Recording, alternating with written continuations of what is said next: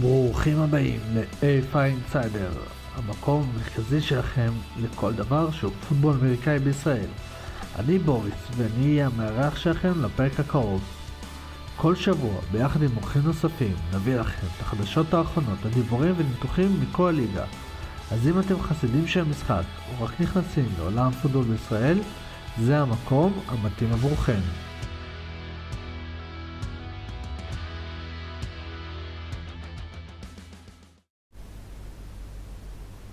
ברוכים הבאים לעוד פרק של ה-AFI Insider, בו אנחנו צוללים לתוך עולם הפוטבול הישראלי. בפרק של היום מצטרף אלינו אורח מיוחד, שחקן העבר, חבר הנהלה ומאמן של חלוצי תל אביב. יותם ייקח אותנו למסע בעבר, בהווה ובעתיד של הקבוצה. אבל לפני שניכנס לזה, בואו נלמד קצת יותר על יותם עצמו. יותם, תודה שהיית כאן היום איתנו. אתה יכול לספר לנו קצת על הרקע שלך ואיך הגעת לחלוצי תל אביב? היי בוריס, שמח להיות כאן. אה, קודם כל, בטח, איך הגעתי לחלוצי תל אביב. אני חושב שכמו הרבה מה... מהצברים שמשחקים כאן שלא הגיעו עם איזה רקע מיוחד, אני גיליתי על הספורט דרך אה, קצת ESPN, קצת מדן, אה, כזה באזור התיכון, התחלתי קצת להכיר יותר את המשחק. כשהייתי בצבא, אז אחד מה... אחד מהשחקנים של הפיונירס שלמדתי בכיתה בתיכון, קורן שמש, גם דמות מוכרת בסצנה של אז, אז הוא היה כותב בפייסבוק כל מיני דברים על אימון פוטבול וזה, וזה נורא עניין אותי, ופניתי אליו, הוא אמר לי, בטח תבוא, ובאתי, וזה היה כאילו, הגעתי למקום שתמיד הייתי אמור להיות בו ולא ידעתי. אמ, coach דן ברונווסר אז אימן את הפיונירס, וזה היה... כמו כל הליגה, אז קבוצה קטנה מאוד, מאמן אחד כזה בספורטק בתל אביב, אה, אבל זה היה, זה היה בול בשבילי, ונשאבתי כמו שקרה להרבה מאיתנו.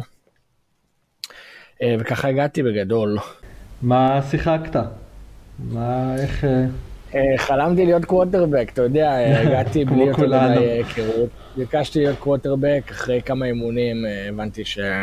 שזה לא הדיבור, ומצאתי את עצמי משחק outside linebacker ו running back. בסופו של דבר, אה, העמדה שבאמת באמת שיחקתי באופן עקבי היה running back במשך שתי עונות, הייתי, הייתי בסדר בשביל אז, אתה יודע, דברים משתנים. כן, דברים משתנים מאוד מהר פה.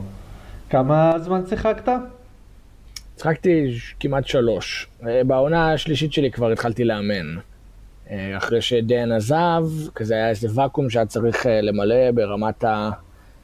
ברמת האנשים, ברמת הצוות אימון, ואז התחלתי קצת יותר לעשות את הצד הזה, ובאיזשהו שלב התחלתי לעבוד כשחקן אה, טלוויזיה, ולא יכולתי יותר כל כך להרשות לעצמי להיפצע, או כזה לחטוף כל מיני סימנים, כי הצטלמתי לדברים והייתי צריך להיראות אותו דבר כל יום. Hmm. אה, ואז עברתי סופית את, את הצד ו...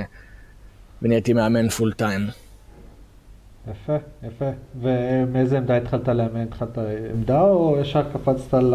זה עמדה, אני מדבר איתך על 2010, 2011.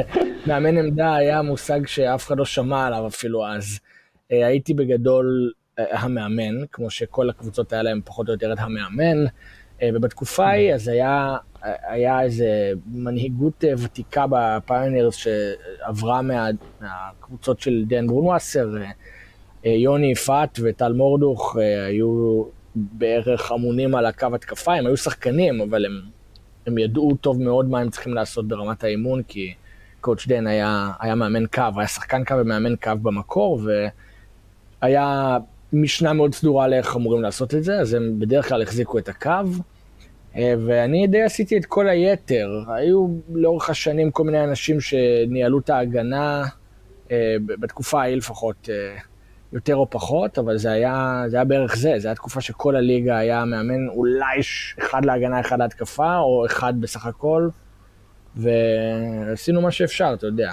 הרמה היום היא חלל חיצון לעומת מה שהיה לנו אז, גם ברמת הידע, גם ברמת התשתיות, הפרקטיקות, כאילו, מה אנחנו עושים, איך אנחנו עושים, הכל הכל הכל השתנה, בטירוף.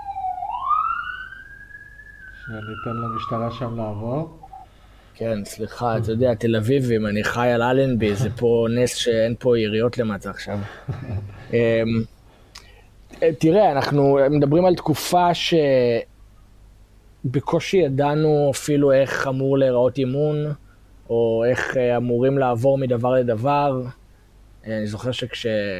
תדגיש אולי איזה שנים מדובר, כדי שלאנשים יהיה את הקונטציה. כן, אני מדבר על... אני הצטרפתי לפיינרס ב-2009, ובסוף 2010 כבר התחלתי לאמן. ב-2011 התחלתי לעשות את הליפים והפסקתי לשחק סופית. ב-2009 קואוצ' דן עוד היה, ואחרי זה כשהוא עזב, אז כזה, אני ועוד בודדים התחלנו לקחת את המושכות, ובאיזשהו שלב אני נהייתי המאמן פול טיים. לא הרבה אחרי זה, אני לא זוכר באיזה שנה בדיוק, אה, הגיע לפיונרס קואוצ' פלבי. אה, ג'ון פלבי אה, היה מאמן פוטבול אמריקאי כזה, הוא וקואוצ' קוהו היו מתעסקים תמיד עם היוזמות של הנבחרת. קוהו היה בהתקפה ופלבי היה בהגנה, והצלחנו להביא אותו לארץ, הוא היה אוונגליסט כזה, אוהב ישראל, הצלחנו להביא אותו לארץ לאיזה תקופה. אה, והוא בעצם היה ההתנסות הראשונה שלנו עם איך זה צריך להיראות ברמת המקצועיות. זאת אומרת, אני הייתי מאמן את ההתקפה, הוא היה מאמן את ההגנה והמאמן הראשי. אה, החלוקה של אימון ל indy, group, team, אה, כל הרעיון של איך מנסים לבנות את האימון באופן הדרגתי, איך מנסים לבנות את המשחק. הוא היה אינספיריישנל בטירוף, והוא הוא הניח את היסודות להרבה ממה שקרה אחרי זה ברמת ההתפתחות של המועדון. וכמובן גם... למישהו כזה להגיע אליכם. הוא היה אוהב ישראל גדול, הוא, הוא היה לו איזו תקופה שהוא אימן, הוא היה דיפנסיב קורדינטור באיזה D2, וכשזה נגמר הייתה איזו הזדמנות, אה, היה לנו אה, לאחד המאמנים אה, איזה מין חדר אורחים בבית של ההורים שלו, הוא הציע לו לבוא להשתכן שם, ו- לשמחתנו הוא אמר יאללה, אני בא, והיה פה עונה אחת.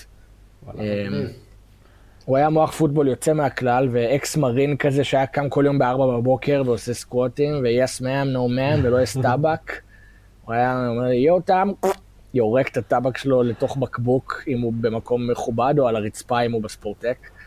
אה, זה היה, זה היה חוויה מאוד מגניבה, כאילו פתאום מקבל רגע טעימה של פוטבול אמיתי, שלא מושפע מטלוויזיה ולא מושפע ממדן ומדברים שכאילו נראה לנו. אמ, ולאט לאט התחלנו כאילו לבנות את הדבר הזה. זאת אומרת, גם ברמת הפרקטיקות שהוא הביא ודברים שנשארו לנו מדן, ואני זוכר שאז אה, התחלתי כאילו ממש להיכנס עמוק ל- לקרוא על, על פוטבול ברמת uh, משחק ואימון, לא ברמת אוהד. באינטרנט היה איזה בלוג של אה, אה, אה, נדמה לי קראו לו קריס בי בראון, משהו כזה, שנקרא Smart Football. זה היה אתר אינטרנט שפשוט קראתי כל מה שהוא כתב בשקיקה, מילה במילה. הוא דיבר המון, הוא היה, הוא היה מחלוצי ה spread formation, spread offense, הוא דיבר המון על spread ו אופשנים ודברים כאלה, ואנחנו בכלל היינו קבוצת I formation, gap scheme, הכי כאילו, אתה יודע, פיונירס, shut up and hit, כזה. כן. אה, וזה היה, היה סופר מעניין להיכנס לעולם הזה פשוט. וזהו, וזה תפס אותי, כמו שזה תפס את כולנו נראה לי. יפה, מגניב. והמשכת לאורך כל השנים האלו? או שהיה איזה אה, הפסקה? לא, אני הייתי on and off כזה, העבודה שלי כשחקן תיאטרון, אה, עשיתי טלוויזיה בהתחלה ואחרי זה התחלתי לשחק בתיאטרון, ואז גם הלכתי ללמוד כמה שנים תיאטרון, וזה לא תמיד הסתדר. זאת אומרת, אחד האתגרים הכי גדולים שלי היו חוסר יכולת להתחייב לנוכחות, כי כשחקן תיאטרון, אז נגיד יש לי 20 הצגות בחודש, אני לא יכול להגיד יאללה שני אני לא מגיע.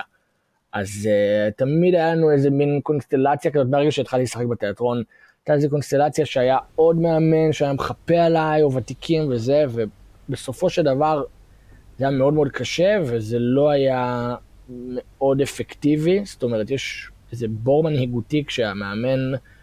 הוא לא הדמות שנמצאת שם כל כל כל הזמן. נכון. אה, וזה עבד ככה ככה, בתקופות שהיה לנו עוד מאמנים כמו פלבי, כמו אדי קרק שהגיע אחרי זה, אה, כמו אה, כל מיני אנשים שאימנו נגיד את ההגנה במקביל, או עוזרים, יהודה קירשנבאום שאימן יחד איתי ואחרי זה אימן את הפיינרס לקח איתם אליפות.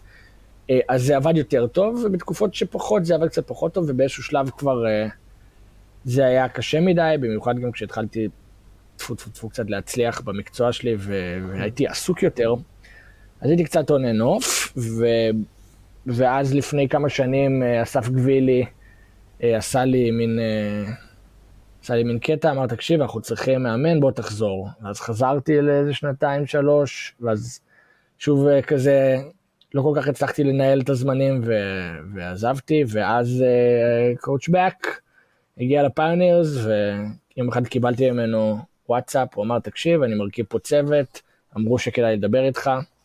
Uh, אמרתי לו, יאללה, דבר איתי. הוא אמר, אני מחפש מאמנים, בא לך? ואני אמרתי לו, תראה, אני בעיקרון שחקן תיאטרון, אבל uh, אני קולט פה שעם הקורונה הזאת שכולם מדברים עליה, זה עלול להיות uh, חצי חצי בזמן הקרוב, אז בוא אני אתחיל ונראה עם הקורונה לאן זה ילך. הוא אמר יאללה, ושאל אותי מה אני רוצה לאמן, אמרתי לו, תשמע, בגדול אני יכול לאמן הכל. Uh, בהתקפה בטח, הגנה אולי קצת פחות. הוא אמר, אתה יכול לאמן קו התקפה? אמרתי לו, כן. והוא אמר, יאללה, בוא תאמן קו התקפה. אה, ובעצם, בעצם, באיזשהו קטע, זה הפעם הראשונה שבאמת אימנתי עמדה. כאילו, כל הזמן לפני זה אימנתי או את כל ההתקפה או את כל הקבוצה, אה, ופתאום קואוצ' אה, בק, שהוא כזה, כאילו, הוא, הוא כוח טבע קצת ברמת הארגון שלו ואיך הוא מזיז דברים, אז הוא היה מנהל ההתקפה והיה לי הכי כיף והכי נוח בעולם, כאילו להיות ב... חלקת אלוהים קטנה עם האופנסיב ליין, ולהשפיע ברמת הקבוצה וברמת ההתקפה ודברים כאלה, איפה שהיה לי ולא נכון, אבל להתמקד, כאילו. אה, וזה היה מאוד מאוד כיף, עשינו שנתיים כאלה, והקורונה לא נגמרה כל כך מהר, ואני גם, בעקבות הקורונה עברתי מלשחק בתיאטרון ללביים בתיאטרון, אז פתאום יש לי ערבים פנויים.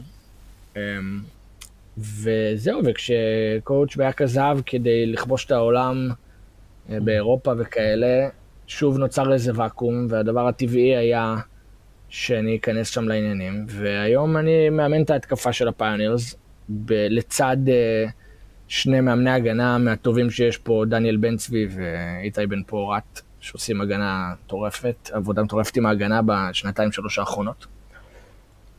And that's it, אתה מבין? ככה הגענו לפה. לא ידעתי שאיתי בן פורת מאמן גם אצלכם. כן.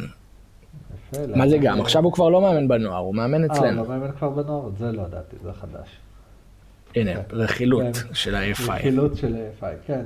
אחד הדברים שחסרים נראה לי זה באמת הידע של מעבר שחקנים ומעבר מאמנים מקבוצות לקבוצות. אני זוכר תמיד כשעוד בתקופה ששיחקתי וגם כשאימנתי, פתאום אתה מגיע למשחק ואתה קולט שחקן שלא יודע, שיחק בבאר שבע, פתאום שיחק ברמת השרון. אה, כן, תראה, בשנים האחרונות, אה, שוב, זה הכל עניין של, כל שנה אנחנו לומדים עוד משהו, כל מאמן שמגיע מביא איתו עוד איזה משהו וה, וה, והפרקטיקה משתפרת. אה, בשנים האחרונות אנחנו הרבה יותר מסונכרנים גם מול הליגה ברמת הרוסטרים וברמת הגיימפלן. כאילו היום הפיינרס עולים למגרש, ומכירים את כל השחקנים של הקבוצה היריבה בשמם, בפרצופם, בחוזקות והחולשות שלהם, אה, ואם יש מישהו חדש שאנחנו לא מכירים, אז אנחנו טורחים באופן אקטיבי לנסות להבין מי זה, מה הוא יודע, מה הוא עושה. זה פשוט חלק מהעניין של game planning, אתה, אתה לא רוצה להגיע ולהגיד, אה, וואו, הנה defensive end שאנחנו לא מצליחים לחסום ואנחנו לא יודעים מי הוא. נכון. אה, ובין היתר זה אומר שכשיש איזה מין פיקנטריה כזאת של אה, ההוא עבר לפה, ההוא עבר לפה, שווה להיות על זה מה שנקרא. נכון, נכון, אבל אני חושב שהדברים האלה עדיין נשארים בתוך הקבוצה המצומצמת של המאמנים ומנהלים, של מי שבתוך ה-AFI, אה, בתוך נכון. הליגות, ואין את ה... אין את הידע הזה, אין את המידע כלפי חוץ, כלומר, כאילו, מפרסמים תוצאה. תשמע, זו שאלה גם וזה. לגבי מי הקהל, כאילו, יש ל-AFI אה, קהל שהוא לא שחקנים ומאמנים או שחקנים ומאמני עבר, במקרה הטוב חברים, חברות של שחקנים? זו שאלה. אני חושב שכן. אם יש לה איפה היום, אני לא אכנס עכשיו בדיוק לבדוק, אבל אה, אני בטוח שיש אה, אלפי אה, עוקבים באינסטגרם, ואנשים שבטוח שהם מאות אנשים רואים את הסטורי שהם כל פעם מעלים. אין לי ספק שיש גם קהל שהוא לא רק... מאמנים ושחקנים עבר, אלא גם קהל שהוא לא מקושר ישירות.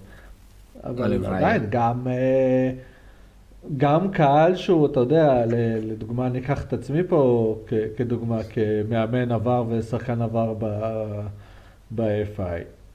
אז גם אני רוצה לדעת, לקבל את הידע הזה, זה לא, זה לא משנה. ברור, אני, אני מסכים. קודם כל, הלוואי שאתה צודק ובאמת יש התעניינות כזאת. אה, זה לא תמיד מורגש, כאילו, כשאתה מגיע למגרש, אז אתה רואה בעיקר חברים, שזה אחלה, זה סבבה, כן? אף אחד לא מצפה שאנשים ייסעו ל... לירושלים או לחיפה או אפילו לתל אביב, לא משנה מאיפה, בשביל לראות uh, משחק פוטבול, אתה מבין? זה ברור שזה יהיה חברים שלנו. Uh, אבל כן, אני, אני מקווה שאנשים מתעניינים, אני מקווה שאנשים מושקעים רגשית בהצלחה של קבוצה כזו או אחרת. וחד משמעית, uh, יוזמות כמו הפודקאסט הזה שבו אנחנו מדברים כרגע, הוא נחמד בדיוק בשביל הדברים האלו. אולי צריך לשקול לעשות פרקים קצרים יותר, עדכוני AFL כאלה. יכול להיות, יכול להיות שנעשה את זה בעתיד. בוא נדבר על הסקנדלים, בוריס. בוא, סבבה, יאללה, סקנדלים. אז... תקרא לי ברשימת הסקנדלים של הפיונרס. לא, לא נקרא רשימת סקנדלים, אבל כן היו שני אירועים... הבטחת לצופים סקנדלים, בוא נדבר עליהם. כן היו שני אירועים מרכזיים שהוגדרו על ידי שולח אנונימי כסקנדלים. כן. מקושרים לפיונירס. אחד פרשיית אה, לואי דוקר, והשנייה אה, עם ג'וש הנרי. אז אה, אתה רוצה אולי, לא צריך להרחיב, אתה רוצה להגיד כמה מילים? בוא, נ, בוא נדבר, מה... תשמע, ג'וש הנרי, מה הפרשייה, הם שילמו לו כסף? כן, הפרשייה הייתה האם הוא קיבל שכר או לא קיבל שכר. הוא לא קיבל שכר. הוא לא קיבל שכר, אה, עזרו לו עם לגור עם אנשים, גם לא שילמו לו שכירות אפילו, עזרו לו להסתדר כמו שאני מניח שכולם עושים, במיוחד נגיד חבר'ה אמריקאים שמגיעים לפה, עוזרים להם למצוא עבודה ודברים כאלה. אפשר להסתכל על זה באופן ציני ולהגיד שהוא שחקן טוב אז עזרו לו למצוא דירה, ואפשר גם להסתכל על זה שאני יכול להגיד על הפיונירס שלאורך השנים עברו אצלנו מלא חבר'ה אמריקאים, ולא רק אמריקאים, מכל מיני לאומים, אה, ו... אחוז די גבוה מהם עשה עלייה אחרי זה, אחרי זה, כן? לא הגיעו לכאן כעולים, הגיעו כן. לכאן במסע או בתוכנית אוניברסיטה או whatever, ומצאו את עצמם עושים עלייה בין היתר בגלל שהם מצאו משפחה עם הפיונרס. זה דבר אמיתי לגמרי. יפה. אה, וג'וש הנרי אמנם לא היה יהודי בתוכנית מסע, אבל הוא הגיע לכאן, הכיר את האנשים, מצא אה, קבוצה שאפשר אה, להתחבר איתה גם ברמה חברתית. אתה מבין? זה אנשים צעירים שנמצאים ביחד, מבלים ביחד, זה, זה לא מובן מאליו. אז לא, לא שילמו לו. אה, ובוא נדבר על לואי, מה, מה יש להגיד על לואי? מה אתה רוצה לדעת? בוא תספר בכללי, מה, מה הסיפור שם? היה איזה התפוצצות עם הליגה? לטובת מי שלא עקב אחרי ה-IFL לפני 2,500 שנה, אה, לואי דוקר היה אחד משחקני הפוטבול הכי טובים ששיחקו פה. באמת, ברמת אתלטיות וסקיל. הוא היה קורנר, אה, ואם הוא שיחק עליך בפרסמן, נשארת על הקו ולא הלכת לשום מקום. זה כמה הוא היה טוב.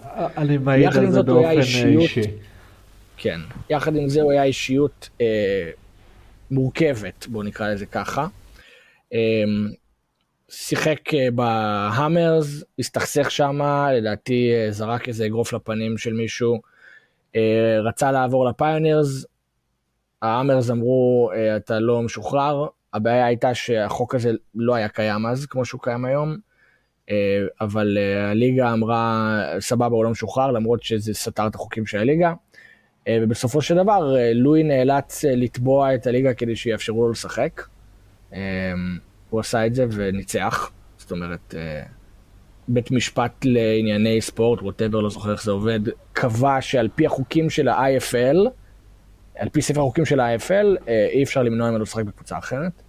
אה, והוא שיחק בפיונרס 2-3 אה, עונות. היה טיפוס לא פשוט גם בפיונירס. וזהו, והמשיך את חייו. זה, זה הסקנדל כמו שאני רואה אותו. מעבר לזה שהוא נתן בוקס למישהו באמרס, שזה באמת מטומטם, כאילו, אני לא יודע מה, מה פה מעבר לזה סופר מעניין. הוא היה אישיות מאוד צבעונית, אני זוכר שהוא היה נכנס לשחקנים מתחת לאור. היה סיוט לשחק נגדו. כן, כן. אמ, היה כמה וכמה פעמים אני יכול להגיד שהפרס שלו הגיע קצת מעל אה, גובה הכתפיים ויותר לכיוון הצוואר. כן. אבל... אה, תשמע, הוא לא היחיד ש... כן, הוא לא היחיד שמתח את הגבולות, זה סממן בדרך כלל לשחקנים מאוד טובים. אה, היו פה לאורך השנים כל מיני שעשו קריירה מכל מיני דברים גבוליים כאלה. שחקנים מעולים, כן? אנשים ש, שסחבו פה קבוצות לאליפות. כן, לא משנה שמות, מה שנקרא. סבבה, אין ספק. אה, בואו נעבור בחזרה להווה קצת, בואו תספר לנו על הקבוצה כיום. אה, בוא, בוא תציג לי את הצוות שיש כיום בקבוצה. בואו ננסה למקד, יש לנו...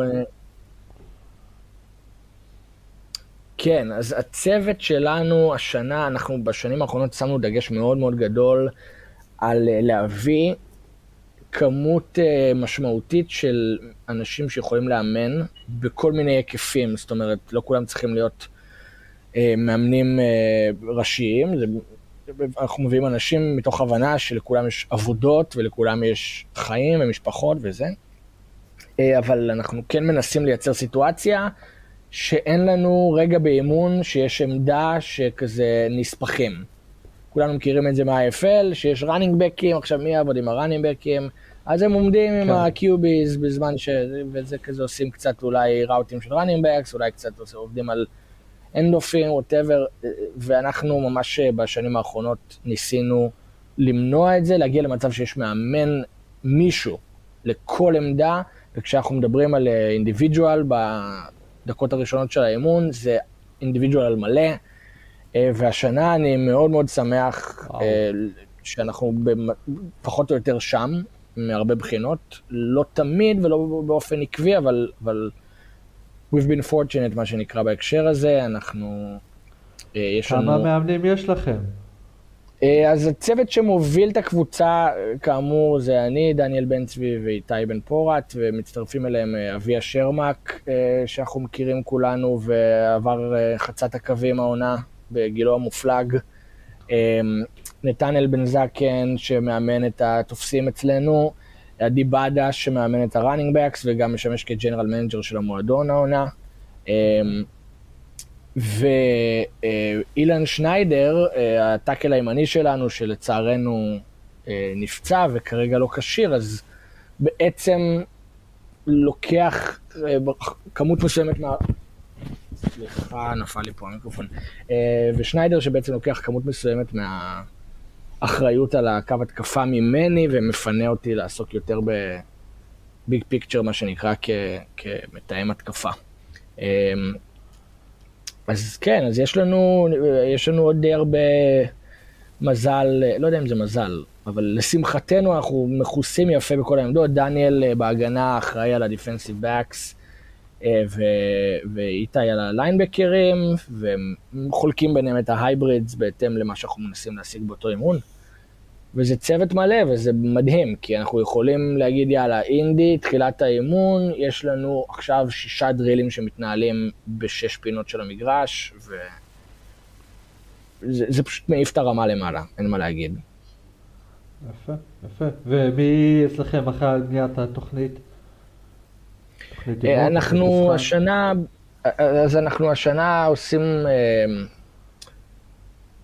אנחנו, יש לנו בעצם הגנה והתקפה שהן מתממשקות לפעמים, בטח ובטח בעולמות הגרופ והטים, אבל בעצם הצוות שמוביל את ההתקפה מורכב ממאמני ההתקפה וכמה שחקנים ותיקים שמובילים את ההתקפה, והצוות שמוביל את ההגנה מורכב ממאמני ההגנה וכמה שחקנים ותיקים שמובילים את ההגנה.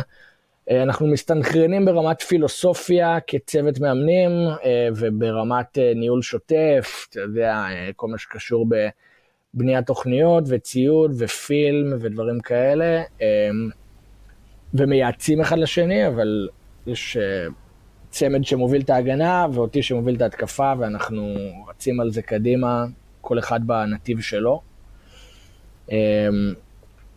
כן, וכל אחד עושה את הדבר שלו, אתה יודע, Game Planning אה, של התקפה, הוא, אני מוביל אותו יחד עם מאמני התקפה ושחקנים אה, שה input שלהם משמעותי לנו, אה, ואותו דבר בהגנה קורה. כנ"ל לגבי בנייה של אימונים, אנחנו מחליטים מה נעשה יחד, זאת אומרת, היום אנחנו רוצים period של special teams, ו period של interior, ו high pressure, ו period של skelly, ו period של team.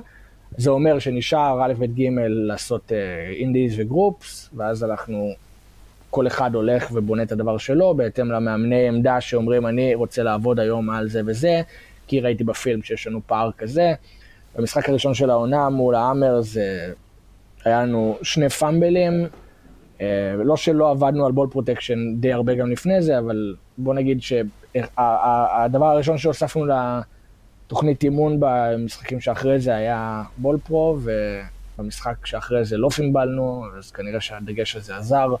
זה מין כאילו אה, עסק כזה שאתה כל הזמן צריך לנהל אותו. אתה רואה פילם, אתה, אתה רואה את האימון, אתה מרגיש את השחקנים, אתה קצת כאילו שם כמה יעדים על הלוח, או ממש פיזית או רעיונית, ו, ובונה את התוכנית בהתאם לזה. אוקיי. Okay. מי, יש לך אולי שמות של שחקנים לתת לנו קצת, לספר על השחקנים שלכם? שחקנים מובילים? אה, שמה? מה, מה, מה השאלה? מי, אה, מי המוכרים? מי המעניינים? אה, לאו דווקא מי המוכרים, מי המעניינים. אולי מישהו שלצופים כדאי לשים עין ולראות מישהו שיפתיע דווקא. אז אני יכול לדבר על ההתקפה, כי זה החבר'ה שלי. באמת יש לנו שילוב מעניין של שמות ותיקים, כולם מכירים את... שחר רגב, יאלי שיין, ירדן לשם, עם אה, יונתן אסרף, אה, עם כמה שמות שאולי בלטו פחות בעבר, אבל אה, עושים פה עבודה משמעותית, אורי אהרון, עוז מיזן. יש לנו כמה חבר'ה חדשים ש... שמצטרפים השנה לקבוצה, טל נוביק הוא רסיבר ש... שכולם עוד ישמעו עליו, אה, יש לנו כמה ראנימבקים מעניינים השנה, אני חושב שלאוריאל אה, ישראל היה משחק פריצה מול הרבלס, שהיה קשה לפספס, אה, וזה מצטרף ל... לקו התקפה שמחזיר כמה סטארטרים, ולעומר פינטוס בקיובי, שזרק שמונה טאצ'דאונים שבוע שעבר, לפני שבועיים זה היה, מול הרבלס. זאת אומרת, אנחנו, הרבה מהקור שלנו נשאר, ו... והגיעו לנו כמה שחקנים חדשים מעניינים. אני חושב שזו התקפה שתהיה מעניינת השנה. הגיעו לכם, דרך אגב, הגיעו לכם גם אה, חבר'ה, היה לכם ניסיון לפחות, לא יודע אם זה עדיין ממשיך, להקים אה, קבוצת נוער גם. אה, נכון. זה... אז באמת היוזמה של הדרגונס רצה כמה שנים, לצערנו, מכל מיני סיבות זה, זה לא הגיע למצב שהם יכולים לשחק טאקל, אבל כן, הצטרפו אלינו השנה כמה שחקנים מאוד מעניינים, גם מהדרגונס וגם מקבוצות נוער אחרות, אה, מנתניה, מקריית אונו, אה, שחקנים מעניינים. אני חושב שהקבוצות נוער אה, עושות משהו ממש ממש חשוב לליגה, הם נהיו בקלות העורק הכי משמעותי של, שמזרים שחקנים לתוך הליגה. והשחקנים האלה מגיעים עם רמת בשלות מאוד מאוד גבוהה, זאת אומרת, האתגר תמיד, תמיד, תמיד כמאמנים ב-IFL היה לקחת ישראלי אתלטי שלא מכיר פוטבול או מכיר באופן שטחי, ולהתחיל מאפס ללמד אותו. כאילו, עומדים ככה, שמים את הידיים פה, מחזיקים את זה ככה, העיניים צריכות להיות פה. אם אתה הולך ככה, אסור לך לעשות ככה, אתה יודע, זה האתגר הכי הכי הכי גדול. אה, ואז פתאום יש שחקנים שמגיעים אה, מקבוצות נוער, עברו אצל אה, עדי בדש, שיחקו ארבע שנים. שיחקו בגמרים, יודעים הרי כבר יותר מהרבה מהחבר'ה הוותיקים שלנו דברים על פוטבול, דברים על, על העמדה שלהם, מגיעים פולישט לגמרי, וזה מטורף. זאת אומרת, אני זוכר שאיתי אמ, אשכנזי ו... ואבן רשף התחילו את הפרויקט שלהם שם בכפר סבא, שאהוד אפרים חזר מאמריקה עם כדור פוטבול ואמר, חבר'ה בואו נקים קבוצה. ופשוט הקימו את הקבוצה הזאת שאחרי זה ניצחה אלפיים עונות ברצף, פחות או יותר, בכפר סבא. ואני מסתכל על ה Pioneers של היום, ואחרי זה התפרקה, כן. ואני מסתכל על ה Pioneers של היום, והרבה מהעמוד שדרה של ה Pioneers האלה זה, זה שחקנים כמו נגיד אור שלום, שאני עוד הספקתי לאמן אותו, אני עזרתי להם קצת אה, בשתי עונות הראשונות, עוד הספקתי לאמן אותו כשמיניסט ב Hawks. ועוד מלא מלא מלא אחרים, כולל כוכבים מטורפים, אה, style אה, יובל פנטה ודברים כאלה ש... ששרפו את הליגה הזאת, כן? אביה שרמק, דני איסטמן, הכל חבר'ה שהתחילו ב... בתיכונים בסוף. נכון. אז כל עוד יש לנו אפשרות, אה, נביאל, כאלה, כל עוד יש לנו אפשרות להביא את החבר'ה האלה, זה, זה מתנה מטורפת עבורנו. מה לדעתך מייחד, אם יש משהו כזה שמייחד תל אביב, את חלוצי תל אביב, משאר קבוצות בליגה? אה, שאלה טובה, תשמע, אה, אני לא יודע לדבר כל כך על, על קבוצות אחרות, אף פעם לא הייתי כזה אחד שמכיר את כולם ויודע מה קורה בכל מקום. אה, אני מודה שאני אפילו לא תמיד כל כך מתעניין מעבר לדברים שרלוונטיים למשחק. זאת אומרת, הייתי רוצה לדעת דברים שיכולים לעזור לי לנצח משחקים, אבל את הרכילות אני לא תמיד הכרתי, אז אני לא כל כך יודע להגיד מה קורה בקבוצות אחרות, אבל אני יודע שבפיונרס היסטורית היה אה, ארגון, היה הנהלה ברמה מאוד מאוד גבוהה, שהיה לה מאוד מאוד חשוב לשמור גם על הידע ברמת הפוטבול, אבל גם יותר מזה על איזושהי זהות, זהות ברורה. אני חושב שלאורך השנים, באופן די עקבי, כשאמרו לך תל אביב פיונרס, ידעת פחות או יותר מה לדמיין. אה, זה גם דמויות מנהיגותיות על המגרש, שסימלו את ה Pioneers לאורך השנים, אה, כמו אסף כץ למיניהם, אה, שפשוט ידעת, זה הדבר, זה השאלה פנהית הזה, זה, זה משהו שהוא מאוד ברור למי שנמצא בתוכו, ובגלל זה גם בתקופות שה Pioneers לאו דווקא היו הכי טובים, שאולי היו עונות קשות יותר, עונות של rebuild, עונות שהיה חסר כל מיני דברים, בין אם על המגרש ובין אם ב sidelines, אז, אז כאילו זה יכל לשמור על איזה המשכיות. זאת אומרת, זה אף פעם לא הרגיש כאילו ה Pioneers הולכים להתפרק.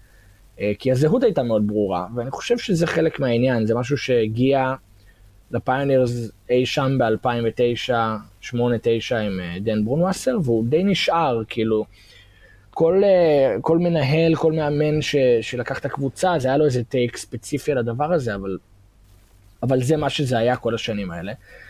זה דבר אחד, אני חושב שזה עזר לשמור על, על איזה מין משהו שהוא יחסית אחיד. אה, ודבר נוסף שאי אפשר להתעלם ממנו, אנחנו לא, לא מנסים להסתיר אותו, זה שאנחנו בתל אביב, ותל אביב זה מקום שבאופן עקרוני קל יותר לגייס בו. אה, יש בו אה, איזה פול כישרון אמריקאי לא מבוטל, זאת אומרת, כולם יודעים שהאמריקאים נמצאים בתל אביב ובירושלים, וזה יתרון ש, שיש לנו אותו מאז ומעולם, ואין מה לעשות עם זה, אנחנו גם לא נתנצל על זה. אה, ואנחנו עובדים מאוד מאוד קשה בלגייס שחקנים, אה, לא רק אמריקאים מן הסתם, ולא סתם לגייס אותם, אלא גם ללמד אותם פוטבול. כל הצוות של ה Pioneers עובד סופר קשה על הדבר הזה, מקדישים שעות על גבי שעות אה, ללמד אנשים את המשחק, ללמד אותם את מה שאנחנו מנסים לעשות, ללמד אותם את התרבות של המועדון. מעבר לשעות האימונים, אה, ההאדל שלנו נשרף מרוב שעות אה, עבודה עליו עם הערות ועם צפייה ושיחות פרטניות עם אנשים, וכל הדבר הזה הוא בעצם כדי לוודא שיש לנו את האנשים, שאם מישהו נפצע, וכולנו יודעים שזה חלק בלתי נפרד לצערנו מהספורט הזה, יש לנו את ה-next man up. אה, וזה דבר ממש ממש משמעותי ב-IFL, בגלל שלהרבה קבוצות כולל אותנו, לא תמיד יש את ה-next man up בכל עמדה, אה, וזה יכול לעשות מלא מלא בלאגן. אז כן, אנחנו עובדים ממש ממש קשה על העניין של הגיוס ושל השימור. והשימור עבורנו הוא גם לוודא שהבן אדם מחובר חברתית ורגשית ומקצועית, שהוא יודע מה הוא עושה, וגם ללמד, ממש אה, ללמד פוטבול. זה, זה כאילו זה גם השליחות שלנו מצד אחד, אבל זה גם, יש פה נטו אינטרס שאנחנו רוצים שיהיה לנו פול שחקנים, כדי שכשאסף אה, כץ תולה את הנעליים, יהיה לנו ליינבקר אחריו. בהחלט, כן. אה, אז, אז בעניין הזה שנגיד שחקנים שתולים אה, נעליים, אז אחד הדברים בפרק עם האולטיימר שבו דיברתי עם מורדוך לוברבם ורועי זיו, אז באמת עלה העניין הזה של שימור גם של השחקנים שכבר פרשו. אתם עושים דברים כאלו כדי, כמו שאותך שימרו והחזירו אותך אחרי אה, נתק אה, יחסית ארוך? אמ, כן, תראה, זה עניין, זה עניין של, אה, אתה יודע, להתייחס לקבוצה כמשהו שהוא מעבר לתחביב. אני חושב שזה משהו שהיה לנו תמיד. איזו יכולת להסתכל על, ה, על הארגון הזה כמשהו שהוא גדול מסכום חלקיו. כל מי שהיה חלק מהפיונרס, לא יודע אם כל, אבל אני חושב שכל מי שנשאר עם הפיונרס איזו תקופה, הוא יודע שזו משפחה שתדאג לו כשהוא יצטרך ושתהיה שם בשבילו ו... וכן זה אומר שכששחקן אה, מסיים לשחק והוא יכול לתרום בעוד דרכים אז הוא נשאר לתרום בין אם זה בניהול ובין אם זה באימון.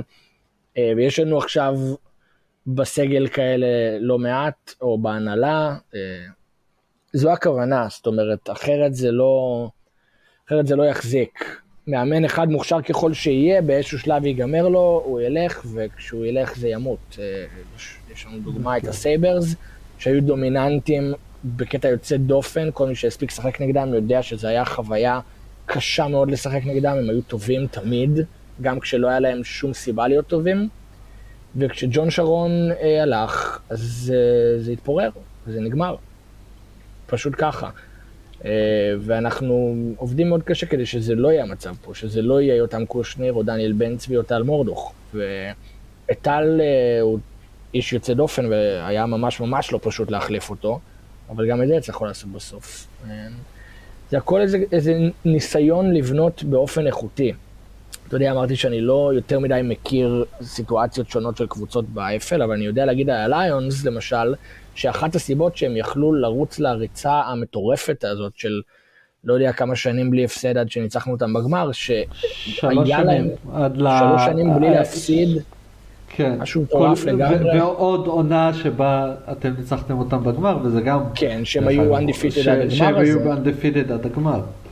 זאת אומרת, דומיננטיות פשוט לא נורמלית, זה אחת מהסיבות שזה התאפשר להם, זה כי היה שם איזה פול אנושי שרץ יחד המון המון שנים, ואנשים שהיו שחקני מפתח ועזבו ונהיו מאמנים, ו- ולא יודע מה הם עשו שם ואיך הם עשו את זה, אבל בבירור הייתה שם חבורה שחתרה יחד באותו כיוון, וזה דבר מאוד משמעותי ש... אני חושב שכל אופרציה טובה, כל קבוצה שהיה לה איזו הצלחה אה, מתמשכת נקרא לזה, זה בגלל הדבר הזה, בגלל שכמה אנשים הסכימו על מה הקווי יסוד של הקבוצה הזאת ומה אנחנו מנסים להשיג ופעלו יחד לאורך תקופה משמעותית כדי לבנות את הדבר הזה. זה תמיד יותר גדול מבן אדם אחד, זה נראה לי הפואנטה. והאנשים האלו באים גם למשחקים? באים לראות אתכם עדיין? אה, כן, אתה יודע, זה לא כולם אותו דבר, והרבה מהם אה, סיטואציות כאלה ואחרות, הם כן פה, הם לא פה, הם... אה, יש לנו הרבה אלומני בכל מיני מקומות בעולם, לאו דווקא אמריקאים, סתם חבר'ה ותיקים שהלכו ומצאו את עצמם בכל מיני מקומות. אבל כן, רואים פה עדיין פרצופים ותיקים שבאים לראות, שחקני עבר, זה, זה חלק מהעניין, זה, זה מין משהו שהוא אף פעם לא עוזב אותך. אני יכול להגיד את זה בתור מישהו שעזב פעמיים, שאתה מעוניין, אתה מתעניין, אתה רוצה לראות. בסוף זה ספורט שכולנו אוהבים. והאייפל יש לכולנו איזה מקום בלב אה, בשבילו שהוא שונה מ-NFL, שונה מקולג', כאילו, אתה, אתה רואה משחק אחר, אתה רואה אותו אחרת גם. כן, נכון, אתה, אתה מכיר את, ה, את רוב הפרצופים, אתה מכיר אישית, אתה יודע אותה, מכיר את הסיפור. זה, זה גם עניין ההיכרות האישית. מה? כן. לא, לא, צריך לדבר. אז זה גם עניין ההיכרות האישית, אה, ואם אתה מכיר את האנשים זה, זה כמובן אחלה, אבל אני יכול להעיד על עצמי שלא תמיד הכרתי את כולם אישית. אף פעם לא הייתי מהמאמנים האלה שכשמגיעים אליהם בלחיצות ידיים אחרי משחק, פתאום נהיה פקק. זה תמיד היה אנשים אחרים, זה היה מורדוכים כאלה. זה לא הייתי אני. אה, ועדיין, יש משהו בלראות את הקבוצות האלה, לראות את, ה, את השמות והמספרים, גם אם אתה לא מכיר אישית את הבן אדם, יש שחקנים בליגה שאני יכול להגיד לך עליהם יותר משהמאמנים שלהם יכולים להגיד עליהם כנראה. אה, אז יש איזושהי רמה של היכרות. אה, טוב, ככה לקראת, אה, לקראת סיום, אז שנייה נעבור לאיזה כמה שאלות ששלחו באינסטגרם וביקשו לעלות. בטח. אז ככה, אז הזכרת את העניין של הסדרה הליפים. אה, מחקר קטן שזה קצת אה, מחוץ לטווח גילאים שלי ולא הכרתי את זה. אה, אבל מחקר קצר שעשיתי אחרי זה, הבנתי שזה באמת היה איזה סדרה מאוד גדולה לבני נוער, ואיך אתה מרגיש היום עם זה שבני נוער שבעצם הבנתי גדלו עליך, גדלו על הסדרות, הסדרה, הסדרות כן. שלך, אה, היום מגיעים ומשחקים תחתיך. תשמע, זה, זה כבר אז היה ככה, חשוב להגיד, תוך כדי ש... אליפים היה מין דבר כזה שקרה לי בחיים בגיל 23, והוא שינה את החיים שלי במלא צורות. כבר אז, זאת אומרת, כשהייתי בא לעזור לאיתי בכפר סבא וזה, זה אנשים, ילדים כאילו זיהו אותי, ועד היום מגיעים שחקנים ל Pioneers ואומרים לי, בואנה, אני ראיתי את הסדרה, אני גדלתי עליך, אני אוהב אותך וזה. אה, זה מין, אה, אני אוהב את זה, אני אוהב שאנשים אוהבים את הדברים שעשיתי, זה אף פעם לא שינה לי את החיים באיזושהי צורה, אני בטוח שהשאלה הזאת באה מאיזשהו שחקן Pioneers בהווה או בעבר, הם נורא נורא אוהבים אה, להסתלבט על זה, בטח ובטח בגלגולים הקודמים שלי ב Pioneers, שזה הכל היה מאוד מאוד טרי, הם נהנו מזה, טל מורדוך היה עושה מזה מטעמים. אמ, אבל yeah, זה מה שאני, אתה מבין? זאת אומרת, יש לנו בקבוצה אנשים שעובדים בהייטק, יש לנו בקבוצה מהנדסים, יש לנו בקבוצה נערף, אה, פיזיותרפיסטים, כל אחד עם מה שהוא עושה. העבודה שלי במקרה עשתה שאני אהיה קצת מוכר לאיזה רבע שעה לפני עשור. אבל זה, זה נגמר, זהו, אני בקושי משחק יותר, אני בעיקר בעיקר מביים, אז אין סכנה ש... שעוד דורות של שחקני נוער יכירו אותי. יפה. Uh, ועוד שאלה שעלתה, שאני לא רואה פה את הקשר, אבל מי, מי יותר מפורסם, אתה או איתי אשכנזי? אה, שאלה טובה, אני לא יודע, איתי אשכנזי מפורסם?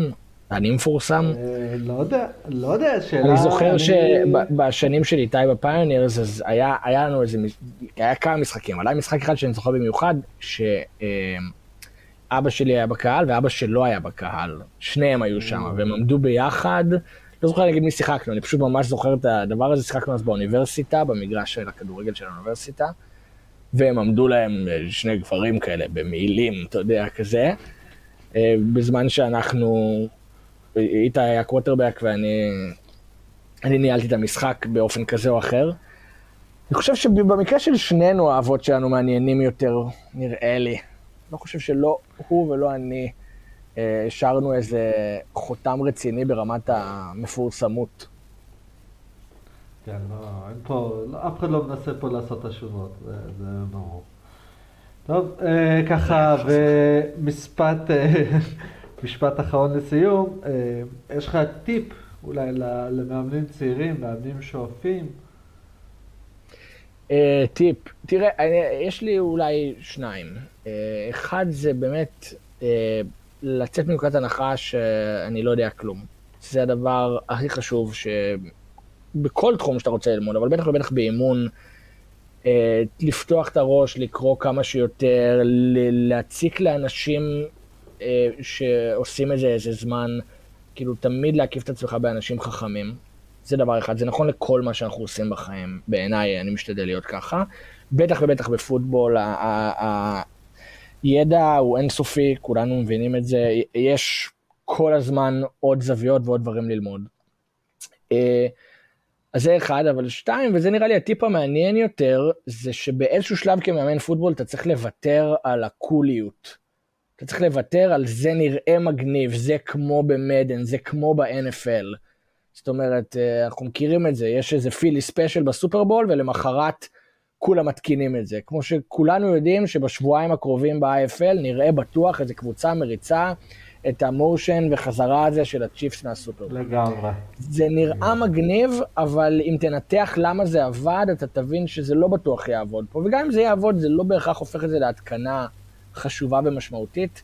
כאילו, מה שצריך להוביל אותך כמאמן, זה מה נכון לאנשים שלך, מה נכון לגיימפלן הספציפי מול הקבוצה שאתה הולך לעשות, מה נכון ל-IFL, זאת אומרת, לעובדה שאתה מתאמן כמה שעות בודדות בשבוע, זה מעט. אנחנו לא קבוצת קולג'ים ואין לנו פה משאבים כאלה, אתה צריך... כאילו, נראה לי אם אני צריך לעטוף את זה בטיפ אחד, זה תעשה מעט דברים ברמה מאוד מאוד גבוהה, ואל תתחשב בכלל במה נראה מגניב. לדברים שנראים מגניב, כמעט אף פעם אין השפעה ארוכת טווח חיובית בפוטבול. רק לעבודה קשה ודברים שהם נכונים ברמה הבסיסית, והם חכמים, והם מתחברים יחד, אה, וללמוד ולהשתפר ולא לנסות להיות מגניב. כמו שכל ילד שמגיע לקבוצה מנסה לתפוס עם יד אחת, ואז בא המאמן ואומר לו, היי, תפסיק להיות מטומטם, שתי ידיים, אז זה אותו דבר למאמנים. כאילו, אתה יכול לבוא ולהתקין אלפיים עמודי playbook ביום הראשון, ולבצע את כולם ברמה נמוכה. זה לא יעזור. אה, נראה לי שזה בגדול, ה... אם הילד שלי עכשיו היה הולך לאמן אה, פוטבול, הילד שאין לי עדיין, אם הילד שלי היה הולך לאמן פוטבול, זה מה שהייתי אומר לו. מעט, איכותי, ותוציא את הראש מהתחת, אל תנסה להיות קול. יפה, יפה, אהבתי. לא, לא ללכת הכי טרדן, לעשות את הדברים הקטנים בצורה טובה. יפה. אה, טוב, יותם, תודה לך על השיחה, היה תענוג לדבר איתך. בשמחה, בוריס. ותודה לקהל המאזינים שהיה איתנו בעוד פרק של ואיפה אינסיידר. יס.